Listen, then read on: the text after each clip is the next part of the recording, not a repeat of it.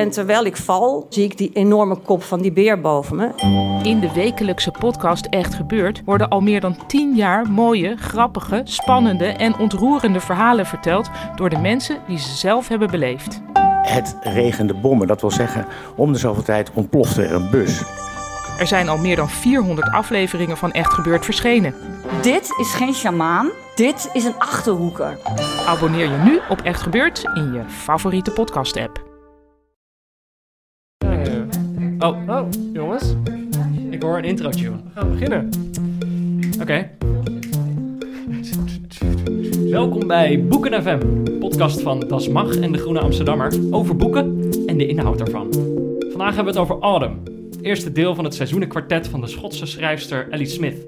Het verhaal heeft twee hoofdpersonen: Daniel, een man van een jaar of honderd die zich in verlengde slaaptoestand bevindt in een verzorgingstehuis, en Elizabeth, een universitair docent van 32 die de goede gewoonte heeft wekelijks bij hem langs te gaan om hem voor te lezen. Saillant detail, het speelt zich allemaal af vlak na het Brexit-referendum. Praat erover met Joost de Vries, redacteur van de Groene Amsterdammer. Hoi. En Ellen Dekwits, literair columnist van NRC. Hallo. Ellen, jij was degene die zei, dit boek gaan we lezen. Uh, dat hebben we nu gedaan. Dan vraag ik me af, waarom moesten we dat eigenlijk lezen? Nou, om drie redenen. Allereerst om te kijken of jullie zouden gehoorzamen. Ten tweede omdat het een weergaloze stijl heeft. En ten derde omdat het boek ontzettend begaan is met de huidige tijd. Het gaat immers over de brexit en de directe respons van de burgers in zowel Schotland als Engeland ja. daarover. Oké, voordat we echt de diepte ingaan en dat we het gaan hebben over de politiek en de stijl, wil ik eigenlijk nog weten, uh, Ellen, wat gebeurt er nou eigenlijk in dit boek? Misschien is het goed om dat eerst even neer te leggen voor de luisteraar, anders dan denken zij, Waar, waar hebben die drie het nou over? Nou, er gebeurt van alles en tegelijkertijd geen klap in de hele roman. Dat is het bizarre ervan. Feitelijk uh, ligt uh, Daniel uh, Gloek, een van de hoofdpersonen. Hij is aan het einde van de roman 101 op soort van sterven. Hij is heel veel aan het slapen. En Elisabeth Demant, zijn voormalige buurmeisje, op wie hij gedurende haar jeugd ook behoorlijk vaak heeft gebabysit, bezoekt hem en leest hem werken voor.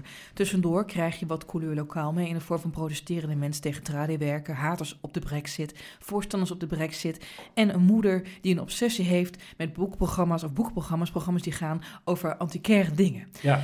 Dus de moeder van Elisabeth. De moeder van Elisabeth. En um, het gaat over het oude loslaten en het nieuwe vinden, maar ook jezelf in een wereld vinden van dag op nacht eigenlijk waar je het helemaal niet mee eens bent. Een wereld die steeds sterker bureaucratisch bepaald is.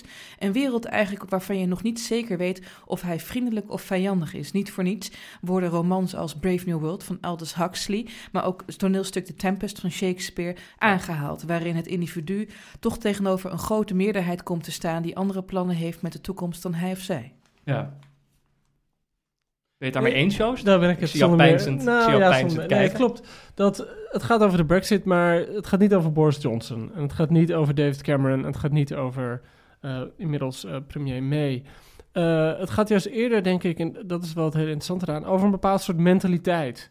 Ja. Waarin zoiets plaatsvindt, waarin zoiets gebeurt. Het gaat, je noemde die moeder al even, die, dat vind ik een heel mooi symbool. Ik bedoel, de brexit gaat natuurlijk een bepaalde manier heel erg over het willen vasthouden aan het oude Engeland, het grote Groot-Brittannië.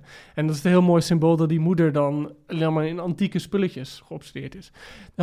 Die moeder heeft ook, uh, want, want een groot deel van het boek bestaat eruit, de flashbacks, de herinneringen van Elizabeth die um, bij Daniel thuis zit. En Daniel leert er heel veel over filosofie en naar de wereld kijken en over kunst. En hij geeft er heel veel mee. En die moeder vindt het eigenlijk maar niks, want die vindt hem denkt dat een gekke buitenlander is. En ze denkt dat hij homo is. En dat vindt ze allemaal maar een beetje eng. Dus het gaat op een bepaalde manier ook wel over bang zijn voor mensen die niet zijn zoals jij bent. Ja, ja. En daarnaast, ik bedoel, dat, dat uh, mensen vragen wel eens, is een brexit? Ik, ik, zal een heel klein stukje voorlezen. Dat is eigenlijk de, bijna het begin van het boek als Elizabeth voor het eerst wordt uh, uh, geïntroduceerd. Is dit. It's a Wednesday just past midsummer. Elizabeth, Elizabeth DeMont, 32 years old, no fixed hours, casual contract lecturer at a university in London, living the dream, her mother says, and she is, if the dream means having no job security and almost everything being too expensive to do, and that you're still in the same rented flat you had when you were a student over a decade ago, has gone to the main post office in the town nearest to the village her mother now lives in to do a check and send with a passport form. Um, Living the dream. Living the dream. Ja. Ik bedoel, op een bepaalde manier gaat dit boek ook, en dat, dat is natuurlijk ook waar de Brexit over gaat. Aan de ene kant krijg je het verhaal van die 101-jarige man, Ja. die terugblikt eigenlijk op de hele 20e eeuw. En aan de andere kant gaat het over die 32-jarige Elizabeth Demant, die eigenlijk vastzit en niet echt een goed beeld heeft van, god, dit gaat mijn toekomst worden. Nee, die zit wel een beetje zo, begin 30 maakt ze zich zorgen Ja, en, over. en het begint natuurlijk meteen dat ze dat paspoort moet halen. Dat levert heel veel slapstick op in het boek. En ik bedoel, als er één Brexit-thema was, eh, ik weet niet of je dat nog weet, maar dat de Brexit tot iedereen's verbazing voor de Brexit werd gestemd. Ja. Dat toen meteen er eh, webpagina's van, ik geloof, de Schotse ambassade vastliepen, omdat zoveel Engelsen gingen kijken, oh, kan ik geen paspoort krijgen in Schotland of in Ierland of in Nederland? Ja. Het was echt een boom. Iedereen dacht opeens, oh god, dit gaat mis. Hoe moet ik van dit eiland af kunnen komen? En gingen op zoek naar, naar paspoort. Dus het feit dat het meteen ermee begint dat Elizabeth een paspoort wil halen. Ja. eh, en hoe onmogelijk dat vervolgens is. Ehm, Elizabeth. Maar het is van haar niet per se een politieke daad, toch? Zij, Nee, zij moet- maar, maar gewoon alleen al dat, alleen, ja, hij is gewoon verlopen. En volgens gaat het heel erg over de bureaucratie die eromheen hangt. Dus ze komt aan en ze laat een fotootje maken. Ja. En dat fotootje is dan niet goed. En eigenlijk zeggen ze gewoon tegen, ja, je hoofd klopt niet. Ja, je hoofd foto- is te klein. Je hoofd is te klein. Dus ja, daar kan ik niks aan veranderen. Ja. En van je, je haar zit, zit op je hoofd. En zegt ja, maar daar groeit het nu eenmaal. En dus op een bepaalde manier krijg je echt een soort van uitgesponnen, slapstick-achtige scènes. waarin elke keer haar paspoortaanvraag wordt afgewezen. Ja. En gewoon puur dat pas, het gegeven van een paspoort is natuurlijk al een soort van politiek symbool. Ja, en een bureaucratisch symbool eigenlijk, omdat het haar dus niet lukt om dat eh, te pakken Absoluut, te krijgen. Ja. En, en heel, soms, heel soms komen er wel eventjes de echte nieuwsfeiten van de Brexit door. Ja. Weet je, wel, één keer op een gegeven moment wordt gezegd van... hey, someone killed an MP, iemand heeft een parlementariër vermoord. En daar bedoelen ze natuurlijk Joe Cox op. eh, Mhm. die, die zomaar door een of andere gek werd neergeschoten.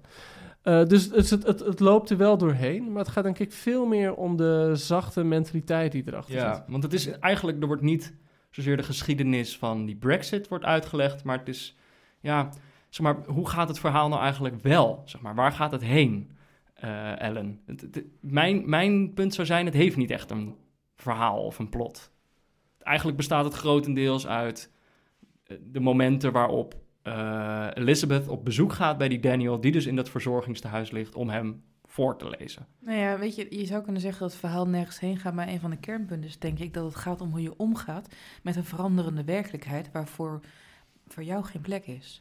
Want als je kijkt naar Daniel Gluck, dat is toch altijd een buitenstaander geweest. En die, die moeder zegt op een gegeven moment, dat, dat haalde jij net aan toen we hier vooraf over spraken, van hij is raar of hij is homo. En dan zegt Elisabeth, nee, hij is, hij is gewoon Europees. Ja, he's not gay, he's European. ja. En, eh, en het gaat er eigenlijk om hoe je je verhoudt tot een wereld met wie je niet meer dingen gemeen hebt. En hoe je een stem kan geven aan het feit dat jij een soort buitenzone aan het bewandelen bent. En daar op een gegeven moment spelen Daniel en Elisabeth, wanneer Elisabeth een tiener is, spelen het spelletje Bagatelle. Waarbij ze zelf werelden gaan verzinnen, verhalen gaan verzinnen, om maar een beetje met die werkelijkheid om te kunnen gaan. Nou ja. En het gaat ook om het inzetten van humor. Op een gegeven moment wordt er gespro- gesproken in de roman over een huis van buitenlanders ergens in het stadje waar eh Elisabeth's moeder woont, waarbij men op de muur heeft gespoten: eh, Go home. En dan hebben zij eronder geschreven: We are already home. Bloempjes eronder getekend. En buurtbewoners Ja. beginnen ook bloemen daarbij te leggen. Dus het gaat er ook om het inzetten van de verbeelding en de eigen humor om om te kunnen gaan met veranderingen die alles behalve vrolijkmakend Ja. zijn. Maar dat geldt eigenlijk vooral voor Elizabeth. Want die Daniel, die, Daniel, die ligt te slapen. Ja, en Elisabeth stelt zich dus soms voor dat ze zich in een compleet wit huis bevindt met deze Daniel, waarin hij het wel weer doet, om het zo te zeggen. Ja. En het allemaal En wel weer goed is. komt. Ja, en hij wakker is. Ja.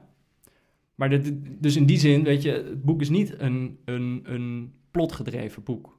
Nee, nee, dat hoeft denk ik ook niet. Want weet je, eh, zeker wanneer je het over zo'n geëngageerd onderwerp hebt als de Brexit, Ja. bij een plotgedreven boek.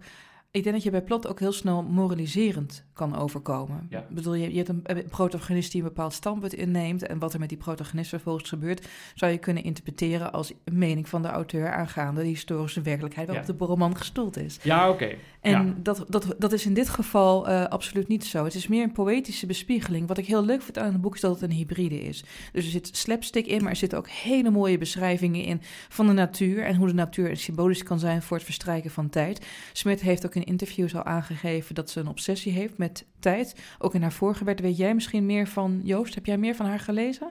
Ja, best wel, ja. Die vorige roman, die, zij, die heeft ze in twee oplagen laten How to verschijnen. be both. Ja, Ja, dat is een... Hoe zat het ook alweer? ik ik eh, interpreteer dit als een bruggetje om misschien heel even iets over Alice Smith te vertellen. Ja. Voor, eh, Alice Smith eh, is dus, en ik vraag me af of we haar Brits moeten noemen. Ze is Schots namelijk. En dat kan best wel een soort van pijnlijk punt zijn. Nou ja, zeker in de eh, brexit. zeker in de Brexit. Dus ik ben wel benieuwd hoe ze daar zelf naar kijkt.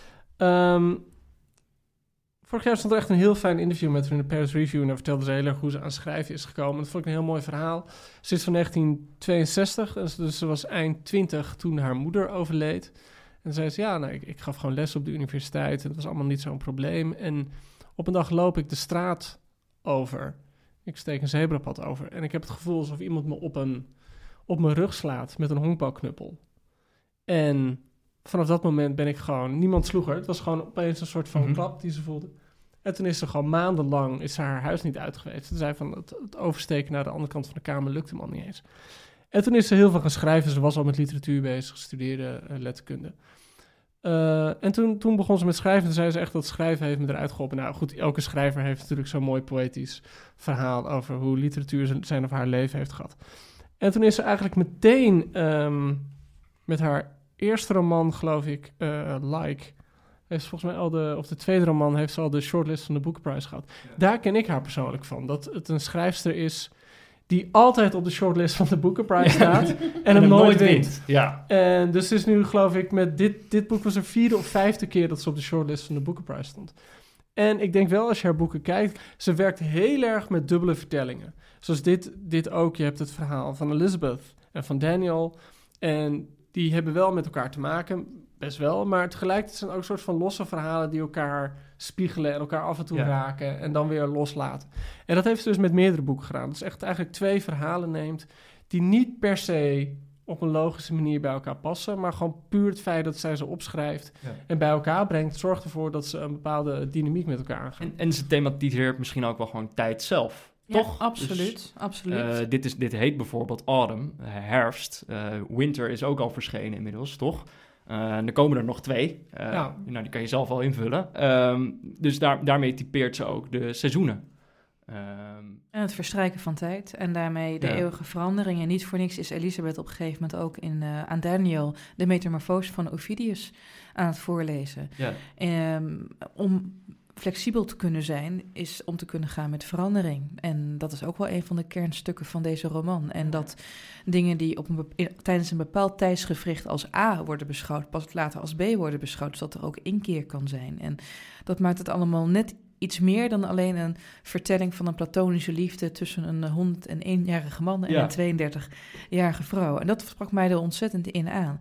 Maar weet je, er zit zoveel meer in deze roman. Ik bedoel, het is, het is amper... Nou jongens, het is 234 pagina's, maar ik heb het gevoel dat ik echt drie boeken in één heb ja, gelezen. absoluut. Dat kan Het is even in. 234 pagina's. En tegelijk zat ik echt te denken, hoeveel duizend woorden zou het zijn? Ja, Want die, die, ze heeft een hele soort Ja. van blanco bladspiegel, waarin verhalen, waarin zinnen nooit helemaal eh, links uitgelijnd beginnen. Ehm, dus ja, het is, het is sowieso...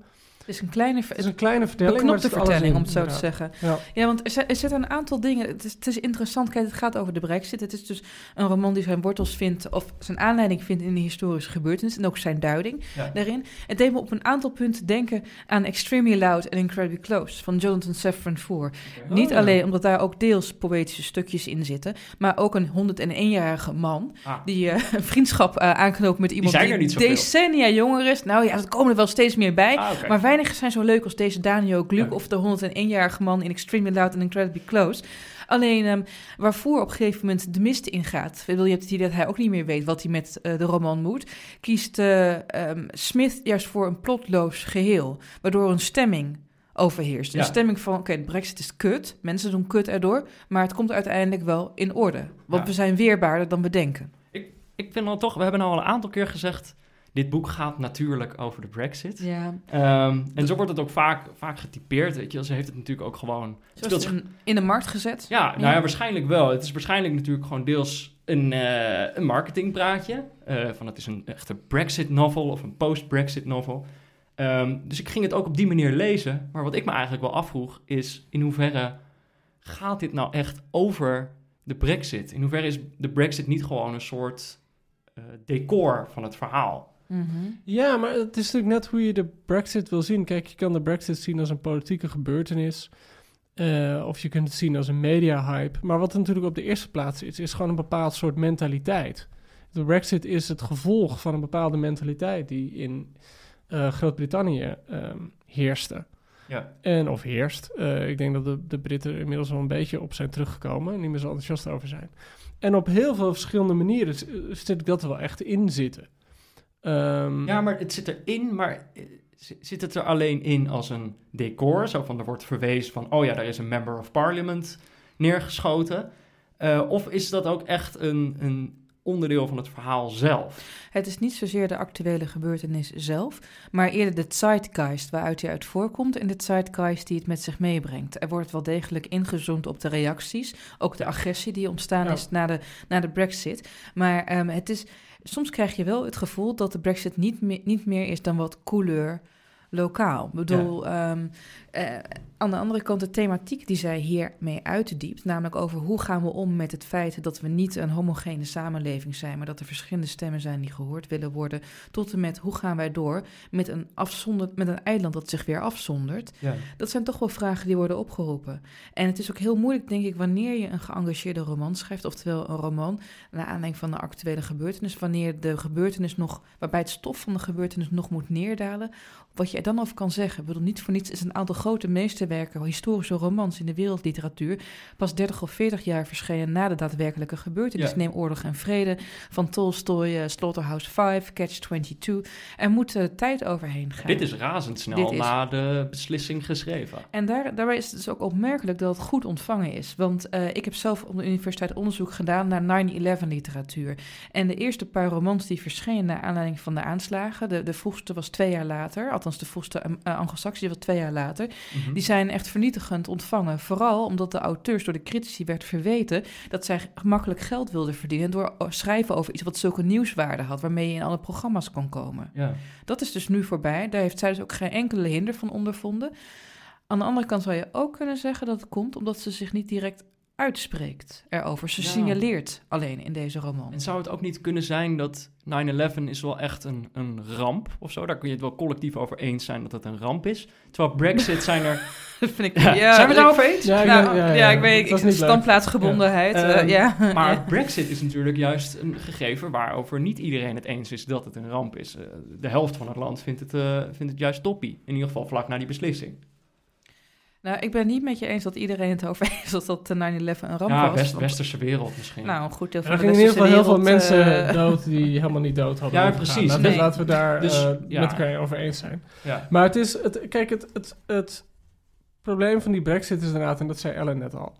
Eh, ik heb een hoop, of een hoop, ik heb een aantal vrienden in Londen en die werden de volgende dag allemaal echt wakker met het idee van dit is mijn land niet meer. mm. En zoals ik ook mensen ken in Amerika die dat na de verkiezingen van Trump hadden gehad. En dat idee dat je van de ene op de andere moment in een wereld valt die niet jouw wereld is.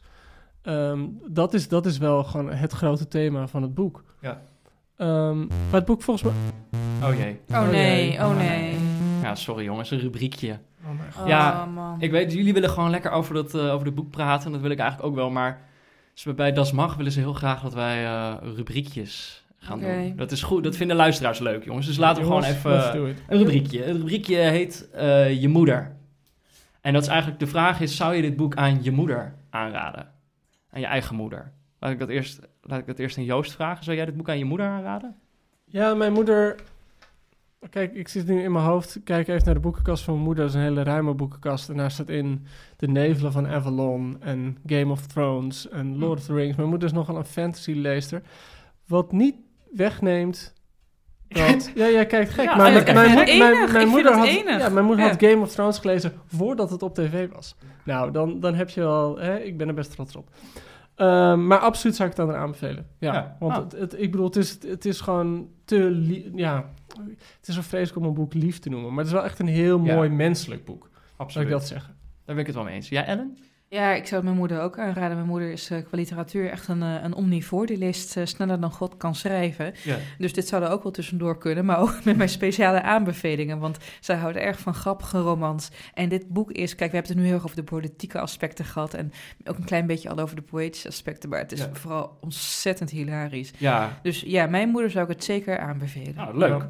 Nou, nog iets wat, wat, wat we misschien moeten aan... Oh, ga, heb je het nog over moeders? Nee, ik heb het niet meer over mijn moeder. Ik wil mijn Is dat- moeder aanbevelen mag ik, eh, trouwens. oh, jij wil ook je moeder Je eigen moeder aanbevelen, want ik wil het nog even over mijn moeder hebben. Oh, god. Oh, Sterker sorry Peter. Ja, jij, hebt, jij hebt ook een moeder. Ja, ik heb ook een ja. moeder. Oh, ja, jeetje. eh, ik heb het, ik heb het, sterker nog, ik heb het boek al aan mijn moeder aanbevolen. Eh, ik heb al tegen haar gezegd, van, je, moet dit, eh, je moet dit boek echt lezen. Namelijk, het, stel, het, is, het is inderdaad een boek over een bepaalde tijd waarin je je misschien niet meer thuis voelt. En ik herken dat een beetje bij mijn moeder soms. Maar dat ik dit boek ook wel een mooie, hoopvol voorbeeld vind van hoe je dat met humor en bravoure kunt doen. Eh, en dat je niet per se bitter hoeft te zijn om je te verzetten tegen bepaalde dingen waar je het niet mee eens bent. En dat vond ik echt iets dat past wel bij mijn moeder. Ja, het is ook een, inderdaad een pleidooi tegen bitterheid, vind ik. Want iedereen gaat gewoon vrolijk door met zijn of haar leven. En men baalt wel van de veranderde omstandigheid in deze roman. Ja. Maar men gaat vrolijk verder. In ieder geval die hoofdpersoon. Ik vond dat echt een ontzettend leuk. eh, die Elizabeth vond ik echt een leuk personage. Hoe zij, Ja, heel erg. Ja. hoe zij omgaat met mensen die tegen haar zeggen: je, je mag hier niet lopen. Bijvoorbeeld, er loopt ze ergens Ja, en dat, paard. die, die eindeloze slapstick scènes eh, waarin ze met dat paspoort bezig is. Ze blijft er heel vrolijk en monter en ironisch over, inderdaad. Ze laat zich niet door de bureaucratie uit het veld slaan. Ja.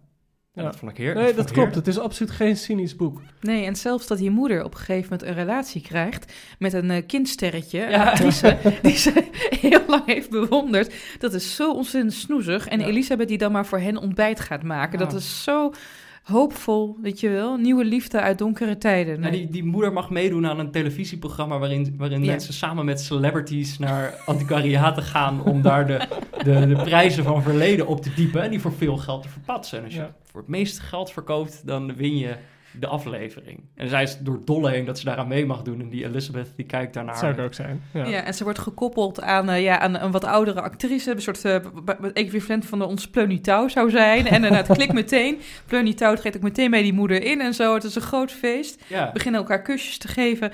Dus, en dat, maakt het ook heel schattig. Weet je wel, want Ja. aan het begin denk je, die moeder is zuur. Ja. Maar eh, dat, dat blijkt toch wel een vrolijke Frans te zijn tegen het einde. ja, die moeder is hartstikke leuk.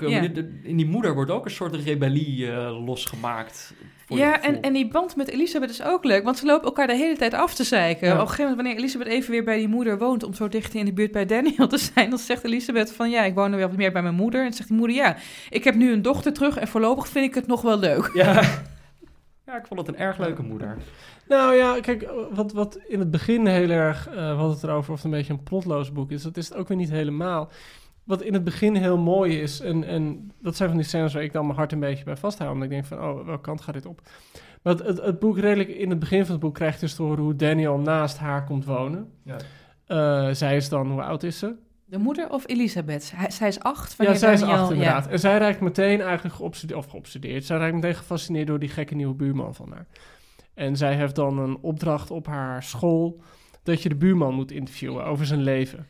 En dat vindt die buur, dat vindt de- haar moeder, vindt dat maar niks. Die vindt Nee. dat vreselijk. En die dat vind ik heel mooi dat ze dan tegen haar, die, die, die vindt het een zonderlinge man en die vindt hem Europees. En eh, dan zegt ze op een gegeven moment tegen hem van ja, maar kan je het niet verzinnen? Ja. En, en Verzinnen dat gewoon, jij hebt gewoon, gewoon verzin- ik bedoel, hoe kun je het slechte voorbeeld geven aan je kind van doe je huiswerk niet, verzin het gewoon. Ja. En die Elizabeth die zegt nee, ik moet hem spreken, je mag niet verzinnen. En dan zegt, die, dan zegt die moeder van ja, maar het feit dat je het verzonnen hebt maakt het niet minder waar. En daar gaat Een soort het halve Zelstra. ja, een soort halve zijlstra inderdaad. Maar eh, het gekke is, daar zit natuurlijk ook wel... En ik weet dat dat zo'n cliché is, eh, dat schrijvers het hebben over de kracht van verhalen. Ja. Eh, maar eigenlijk laat het wel op een mooie... Laat Smith dat wel op een mooie manier zien. Dat je verhalen hebt die je kunt verzinnen... en die daardoor net zo belangrijk zijn.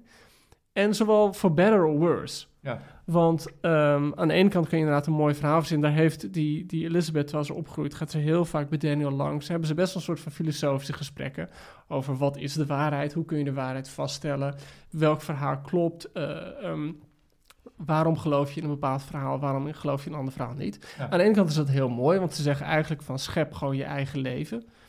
Aan de andere kant heb je natuurlijk ook weer het verhaal. Op het moment dat je, eh, en daar moet ik bij de Brexit dan weer aan denken, sorry dat ik daarop terugkom.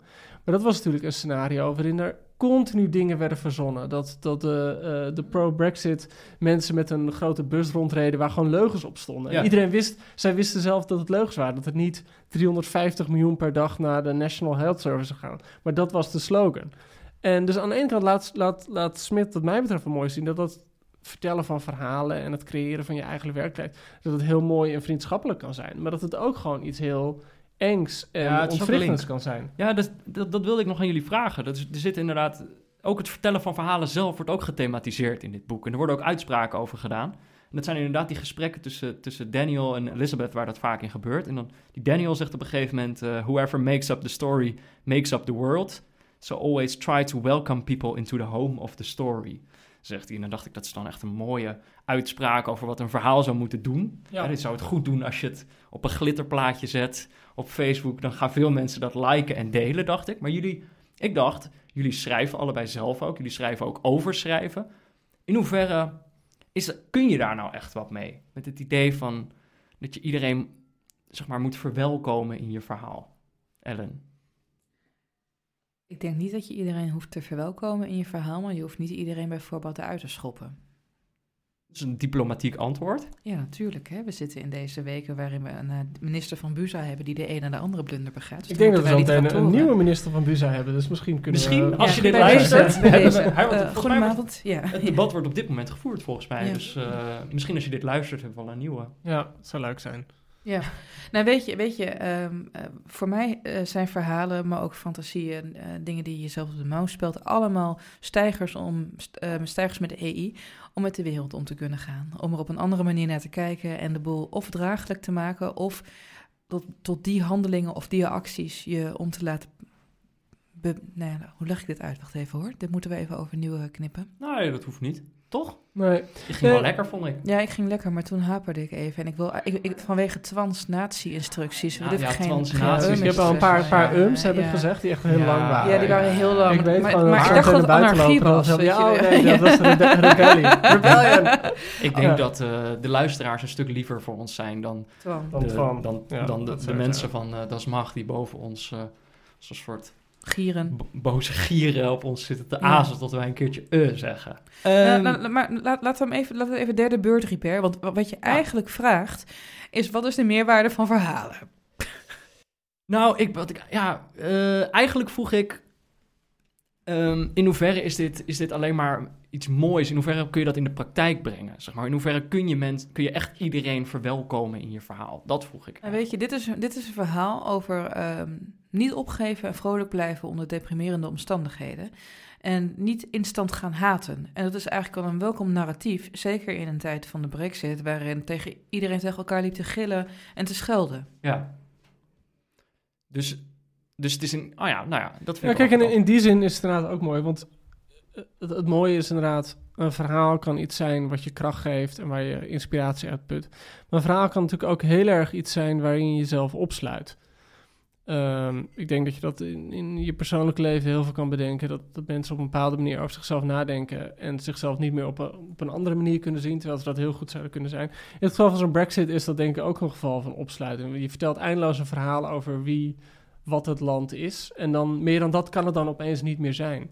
Dus ik denk wel dat dat inderdaad het een mooi idee is. Zeker in de politiek. Om, om elk verhaal open te houden. En niet afgebakend te maken. En niet Ja. zeggen wij zijn zo en niet anders dat klinkt een beetje idealistisch. En ehm, gek genoeg, ik twijfelde toen een beetje of ik dit boek moest gaan lezen. Omdat ik ook dacht van, oh, maar zometeen is het te, te lief en, en naïef. Of, Oh, ja. of eh, te humanistisch om het op een mooie manier, of op een wezenlijke manier over die brexit te hebben. Ja. Had ik geen last van hoor, maar dat, dat, dat, ja, dat, dat vrees ik even voor. Nou, wat ik nog wel had met dat verwelkomen. Ehm, als je dit als Nederlander leest, zo'n boek, het is wel behoorlijk Brits allemaal. Het, het verwijst naar Britse politiek, eh, Britse schandalen uit het verleden, Britse literatuur uit Op het Charles verleden. Dickens. Ja. Charles Dickens Ja. inderdaad, Kunst. Shakespeare, het komt Ja. allemaal voorbij. Maar ik vroeg eigenlijk vroeg me af, zeg maar, wat kunnen we daar als, als, als Nederlanders nog mee? Nou ja, we zitten natuurlijk nog steeds met een aantal politici opgeschreven die het over een nexit gaan hebben. Ja, En Maar dat gaat niet gebeuren, toch? Nou ja, daar hoeven we het niet over te hebben. Nee. Maar in ieder geval, dus de, de zeitgeist geldt niet alleen voor, voor Engeland, zou je zeggen. Nee, nee, nee, nee, nee, nee. En ik denk ook, kijk, eh, reactionaire reacties staan centraal in deze roman en eh, hoe dat ook je kan belemmeren. Ja. En eh, daar kunnen we natuurlijk, dat is een universeel gegeven, daar kunnen we allemaal wel iets mee Ja. van opsteken of van afleren, om het zo te zeggen. Ja, ja. En weet je, je, je kunt je afvragen of, je, of een boek echt een nut moet hebben, of het je echt iets moet leren. Kijk, ik had Ja. al een blast tijdens het lezen vanwege de fantastische beelden die erin zitten. En elke roman is één groot wat als. Wat als je inderdaad, zoals Daniel Gloek in het begin van het boek, zitten we eigenlijk al half in zijn hiernamaals, waarin hij steeds jonger en knapper en vitaler weer wordt. En je ziet allemaal jonge, leuke meisjes waar hij helemaal happy de peppy van raakt. Nymfe. Ja, ja en die vreugde, dat, dat, dat, dat is voor mij eigenlijk al genoeg. Hmm. Nou, dat vind ik wel een mooie. Ja, ik ben het daar denk ik ook wel mee eens. Ik vond het echt een plezier om te lezen. Ja. Oh, Oh, mag ik demonstratief zuchten? ja, tuurlijk. Maar dit is niet, dit is, we zijn nog niet bij de, repu- bij de, de rubriek eh, demonstratief zuchten. Oh, Oké. concert. Ehm, Welke rubriek hebben we dan? Ja, we hebben, tw- we hebben nog twee rubrieken. Favoriete zin of omslag. Dan kunnen we het hebben over boekomslag. Een dingetje dat je opviel. Of zullen we de favoriete zin doen? Nou, weet je, ik, ik had niet echt... Ik, ik heb wel een screenshot Ik heb gemaakt. wel een favoriete zin. Oh. Doe jij maar eerst, dan zoek ik mijn favoriete zin op. Ja, ja, ja. Ik twijfel een beetje hoor. Kijk, misschien wel goed om te zeggen, Ellie Smith is niet per se een mooie zinnenschrijfster in de klassieke zin van de betekenis. Ze is niet iemand met de hele grote uitgebreide metaforen of de alliteraties. Of wat ze heeft, en daar is ze ook wel echt heel goed in, is een hele fijne soort van informele vertelstem. Ja. Ik had Winter in mijn handen in een boekhandel. Een, een vriendin stond naast me, die keek naar de eerste bladzijde en die zei, oh wat irritant. Eh. En toen las ik het voor. En toen klonk het heel grappig ineens. Dus ik had zo'n zin als dit, is halverwege het boek ergens. A minute ago it was June. Now the weather is September. The crops are high, about to be cut, bright, golden. November, unimaginable, just a month away. The days are still warm, the, arm, the air in the shadows sharper, the nights are sooner, chillier, light a little less each time. Dark at half past seven, dark at a quarter past seven, dark at seven. The greens of the trees have been duller since August, since July really, but the flowers are still coming. En, je moet je voorstellen dat dit, als ik dit zo voorlees, lijkt het net of het een linia is, maar het staat dus over een hele Het bladzijde. waren meerdere zinnen. Het Toch? waren Het meerdere zinnen, maar ik, ik dacht van ik wil eventjes die toon Ja. gaan, want het boek gaat veel meer om de toon dan om de unieke zinnen. Dus het is allemaal heel informeel. Je kan het je echt voorstellen dat het volgens mij als luisterboek ook heel goed moet Als werken. luisterboek, je zou zelf, als je hier, als je op, als je hier poëzie, proza-poëzie boven had gezet, dan zou ik er ook mee akkoord zijn gegaan. Ja. Ehm, mijn favoriete zin heb ik eigenlijk al gezegd over Elisabeth, die dan eh, over Elisabeth's moeder zegt, nou, ik vind het tot nu toe erg leuk dat ik weer een dochter heb. ja. Maar weet je, er zitten zoveel mooie, niet alleen natuurbeschrijvingen in, maar ook hoe het hiernamaals eruit ziet. eh, Hiernamaals? Wat? Hiernamaals. Hiernamaals. Hiernama ja, sorry jongens, ik bedoel klemtonen. Ik ben er ik nooit ben er heel slecht in hoor, maar Ja. ik dan... Hiernamaals, hoe het hiernamaals hieruit ziet. Ja. Ze geeft echt een catalogus van mogelijke scenarii. Ja. Ehm, maar... eh, Maar waarom was, waarom was die, ja, die, die zin die die moeder dan uitspreekt over haar dochter, waarom is dat dan een favoriet van jou? Omdat het heel erg leuk die band tussen die moeder en die dochter in echt amper tien woorden tentoonspreidt. Dat vind ik knap hoor. En weet je, eh, heel veel stukken van het boek zijn gewoon stukken dialoog. En ondanks dat leer je die personages zo ontzettend goed kennen. Ja, dat gevoel. het is ook heel erg ingedikt. Heel fijne, fijne details ook die je wel een beeld geven van de mensen met wie je te maken hebt. Ja. Ik had als favoriete zin, dat hangt, haakt een beetje aan bij wat Joost eerder zei. He dreamed it, though it's rumored to have happened. En eh, dat vond ik een hele mooie zin toen ik hem las. dacht ik, oh, dat, is ook, dat is ook een beetje het leuke spel dat er gespeeld wordt. Van, er wordt een hele wereld van vertellen opgetrokken, waarin het niet zoveel uitmaakt wat nou waar is en wat niet. Maar ik voelde me er ook een beetje betrapt toen Halbe Zijlstra iets vergelijkbaars zei Oh, in, ja. in een interview. Dat hij zei zo van, ja, ik heb geen... Hij was, hij was er niet bij in het eh, tuinhuisje van Poetin.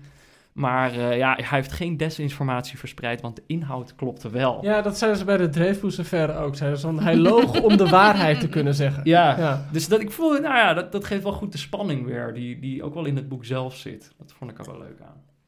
Vonden wij trouwens alles goed, jongens? Want ik heb wel nog wel een kleine inhoudelijk bezwaar tegen. Oh, oké. Ja, een bezwaar is op veel gezegd. Maar op een gegeven moment wordt heel erg de pop art kunstenares Pauline ja. Oh, dan heb ik hetzelfde bezwaar als jij, denk ik. Mooi, denk ik. Hoop ik. Dat zou fijn zijn. Oké. Stukje verzoening. Ja, Ga door. dat is fijn. Nou, was, er, was er sprake van, van onmin dan? Een stukje frictie is ja zo goed. Vertel, Ellen. Ja, ja, ja, ja, ja, Op, een hele eloquente manier hebben we science frictie momenteel. Dat is ons eigen rubriekje kut, man. Goed, daar dames en heren, hier komen we dan met een stukje bezwaar. Fantastische roman, maar ergens in de roman wordt op een gegeven moment het werk van een kunstenares, Pauline Boti, jonge pop-art kunstenares, jong gestorven, aangehaald. Eh, Elisabeth de Mant bestudeert haar werk, ook haar positionering in het eh, Engelse kunstveld van die tijd. Eh, Daniel Gluck is verliefd op eh Boti geweest. En mij kwam het allemaal een beetje lukraak voor, die stukken. Ehm, het gaat heel erg over hoe zij als vrouw is weggezet in de pop-art scene. Hoe zij eigenlijk is genegeerd door de historievertellers. Terwijl zij, als je andere artikelen over Boti die echt bestaan heeft, leest, eh, van overtuigd kan raken dat zij wel degelijk invloed heeft gehad. Ja. En ik vond het er een beetje ja, bijgesleept. Het had voor mij niet gehoeven. Maar Joost de Vries, je bent natuurlijk erudieter dan een gouden penseel. Dus wat heb jij hierover te zeggen? Een beetje hetzelfde als jij. Oh, ja. Da- zijn- daarom zeg Het ik gekke is, het, gekke erudiet is het, het, het boek gaat voor mij zo mooi om het samenspel tussen Elizabeth, eh, Daniel en haar moeder. eh, dat je daar eigenlijk voldoende aan hebt. Ja. En dan opeens wordt er toch een, een gat in de muur gebroken. waarin eh Alice Smith nog een andere kant op gaat. Alsof ze inderdaad opeens nog dat verhaal ook wilde vertellen van de kunstenares. die, omdat ze een vrouw was, niet voor vol werd aangezien. Ehm, ja, voor mij was het, was het niet nodig. Soms zit je gewoon zo lekker in een bepaald verhaal. dat, dat je daar gewoon in wil blijven zitten. Ja, ik had zelf ook het gevoel alsof dat uit een ander boek kwam. Ja, alsof ik opeens iets totaal ook. anders aan het Ja. lezen was. Ja. Nou ja, dus daar zijn we het... Helaas geen frictie, daar zijn we het volgens mij met z'n drieën over eens... Ja. dat het een beetje een raar, eh, raar hoofdstuk was, Ja. zo aan het einde Ja. van het boek. Ehm, wil iemand nog wat kwijt? Of zal ik afronden? Mag ik zeggen dat eh, de Nederlandse vertaling verschijnt deze maand? 21 februari. 21 Ja. februari zelfs. En de Engelse omgave, die hebben die schilderen, de, die prachtige schilderijen van David Hockney. Ja. Eh, de Tunnel is dit, dat is een, een, een landwegje volgens mij in York. Eh, en dat heeft hij vier keer geschilderd vanaf dezelfde plek in de vier seizoenen. En die komen natuurlijk heel mooi om die boeken heen. Eh, gewoon heel lekker. Ik ben altijd heel blij als een Maar boek- staat dat ook op de Nederlandse vertaling dan? Dat is dus het jammer, daar staat het niet nee, op. Nee. Ik denk dat de rechten net eh, te duur waren. Of, eh, Mm, ja, maar het, het, het ziet er in het Engels mooi uit. En het is natuurlijk leuk om het in beide talen te lezen. Overigens, ik vond de Nederlandse... Ik heb ze in allebei talen gedaan. Ik vond de Nederlandse vertaling erg goed. altijd, altijd fijn. Dat Ja. vroeg ik me nog af Ja, inderdaad. weinig anglicismen. Als ik dat woord ook goed uitspreek en klemtonen Top. correct leg. Nee, Ja. dat is prettig. Oké, mooi. Ik Oh. reageerde er alleen op omdat ik zelf elke klemtoon altijd verkeerd leg. En altijd wordt uitgelachen door iedereen. Dus ik was zo blij dat iemand anders dan ook een keer gaan Nou Joost, hou die in de gaten. Als jij het een Ja. keer doet... Joost dan, de eh, Vries. Ja, De makers vinden het leuk als we ook nog een blurb, als we zelf een Oh, blurb gaan leuk. maken bij het boek. Op, op het. Dat vond ik wel grappig. Op het boek staan dan een paar blurbs. Er staat bril- brilliant, glorious, eh, fantastic. gewoon, er, staan een paar, er staan gewoon een aantal bijvoeglijke naamwoorden hebben ze erop gezet. Ik wilde daar zelf graag de blurb herfstig herfstig. aan toevoegen. Ja, ik dacht wel dat het duidelijk was dat, dat we een slechte blurb moesten leveren. Vooral ook een- Herfstig is best wel slecht. Herfstig is niet heel goed, nee, inderdaad. Ja, ja. Dus ik heb de blurptekst, maar dan wil ik er wel bij onderstrepen dat, dat het een, een pastiche is. ik ga het nu op mijn serieuze stem zeggen. Liefde, verdriet, geluk, wanhoop, ik, wij, zij, herfst, paspoorten, moeders, dochters, buurmannen. Bij Alice Smith komt alles samen als een pondzak Engelse drop. Nou, die kunnen Was die ze... slecht genoeg? Ja, die was slecht genoeg. Nee, dat is die- geen plek meer voor de titel, nee, jongen. Nee, nee, nee. Dat, Als, eh, als, ze nog, als, de, als de Nederlandse vertaling nog niet naar de druk is, dan kan hij er nog op. Ellen, heb jij nog een, een Ja, ik had, ik had het natuurlijk weer veel te serieus genomen. Ik zou, dankzij dit boek ben je blij dat de brexit is geweest, want anders had het niet geschreven kunnen worden. Hey, dat vind ik een leuke. Lekker, ja. Boris Johnson zal blij zijn eh, met je. Hij is altijd blij met Hij is mij. altijd blij, ja. Goed, de krantenrubrieken schaffen de sterren af, maar wij gaan gewoon nog rustig eh, een heel exact cijfer geven. Ik gaf het een eh 8,3. Nee. Jawel. Kijk wat ik in mijn schriftje heb geschreven. Een 8,3! High five. Yes! En jij, Ellen? Nou ja, ik wil niet eh, de bromance in de weg zitten, Oh. maar eh, nee, ik geef het een 9. Een 9. Ja, Paulien Boot die kost eh, die ene punt. Het zijn hoge cijfers. Goed. Oh.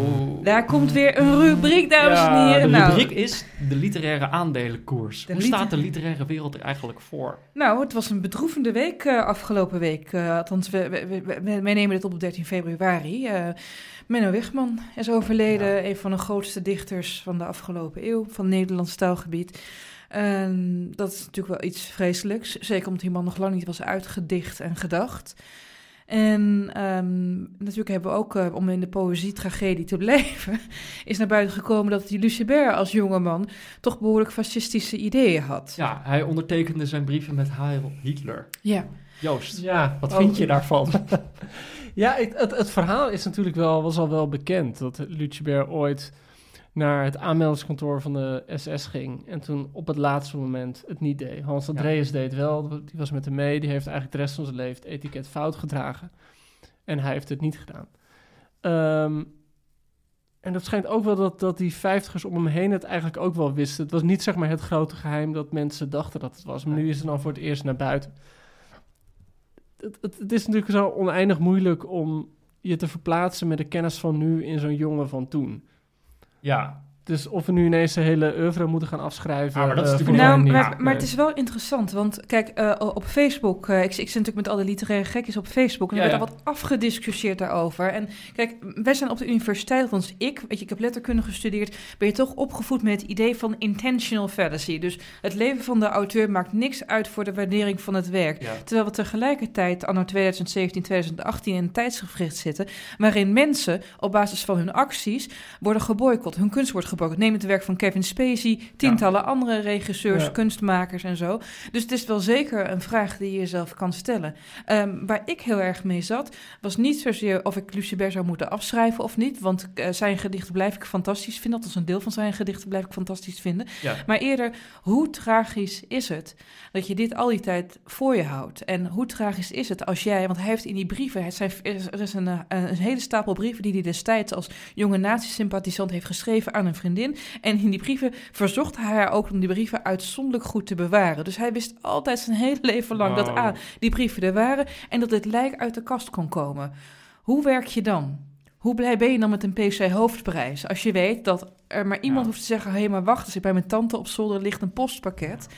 Als ze er maar niet achter het geldt natuurlijk echt voor zo'n hele generatie. Niet alleen schrijvers, maar ook gewoon kunstenaars Ja. en politici. En er zijn zoveel mensen die in die vijf jaar, zes jaar van die Tweede Wereldoorlog iets hebben meegemaakt. Dat gewoon als een soort van molensteen, onzichtbare molensteen, achter zich aan sleepten. Wetende dat hij altijd gewoon een weet, keer kan eh, vallen. wie weet wat wij allemaal aan het flikken zijn... waar we later nog problemen Ja. mee Maar ja, weet je, bij Lucebert was het wel echt een lijk... wat uit die Ja, kast ja. kon komen. En wat ik dan een hele mooie gedachte vind... Hè, hij heeft natuurlijk ontzettend mooi geschreven... over de duistere kant van de mens. En je kan je afvragen of hij zonder dit lijk in de kast... zonder die minachting die hij misschien voor zichzelf heeft gehad... in retrospectief, dat eigenlijk wel had kunnen doen. Ja. En dan is het de vraag wat kunst mag kosten in dat geval. Ja. Ja, ik zat nog te twijfelen of ik, of ik nog één ding over het boek zou willen vragen. Eh, er zit een scène in waarin mensen selfies maken met hakenkruizen. Daar moest ik toch meteen aan jou denken, Joost. Niet dat, je- niet dat, niet dat jij, niet dat jij een bekende selfie-maker met hakenkruizen bent, maar dat was wel een eh, scène die mij... eh dit denken aan de Republiek, die, die toch ook wel staat voor een bepaalde tijd waarin mensen gewoon selfies kunnen maken met... Ja, nou, het staat denk ik eerder voor... eh, Het punt is dat die mensen, en dat, dat vind ik met Lucibert eigenlijk ook interessant. Ehm, mensen doen ook dingen om stoer te zijn. Ja. En mensen doen dingen om op te scheppen. En ik kan me voorstellen dat als hij, als Lucibert brieven schrijft aan een meisje, dat je het allemaal even wat vetter aanzet dan dat je het daadwerkelijk voelt. En dat is natuurlijk gewoon het, het oneindig moeilijke van elke biografie die geschreven wordt, denk ik. Er zit tot wat, wat er achterblijft, de snippers die je uitgesproken hebt, de, de brieven die eh, resteren. Niemand is 100% zichzelf waarschijnlijk in die teksten. Dus iedereen maakt zichzelf altijd groter of kleiner, heb ik het idee. Dus, dus inderdaad, in het boek die mensen met die hakenkruis zelf is, ja, die zijn niet per se nazi's. Nee. Ze zijn gewoon, eh, ze willen gewoon stoer doen en ze zijn aan het puberen en, en ze weten het zelf gewoon niet zo goed. Oké. Nou, daar zijn we er doorheen. Dat wilde ik nog even weten. Ik dacht, eh, anders laat ik dat schieten. Dit was Boeken FM. podcast over boeken en de inhoud daarvan van eh, Das Mag en de Groene Amsterdammer. Ellen, bedankt. Graag gedaan. Joost, bedankt. Service. Eh, luisteraars, als jullie nou denken, ik heb nog een vraag, dat kan. Eh, stuur hem op naar uh. Dat is M-A-R-S-C-H-A.dasmag.nl. Verder, ehm, we gaan nog een podcast maken. Joost gaat het boek uitkiezen. Heeft hij nog niet gedaan. Dus eh, ik ben benieuwd wat we voor de kiezer krijgen. Verder bedankt voor het luisteren en tot de volgende keer.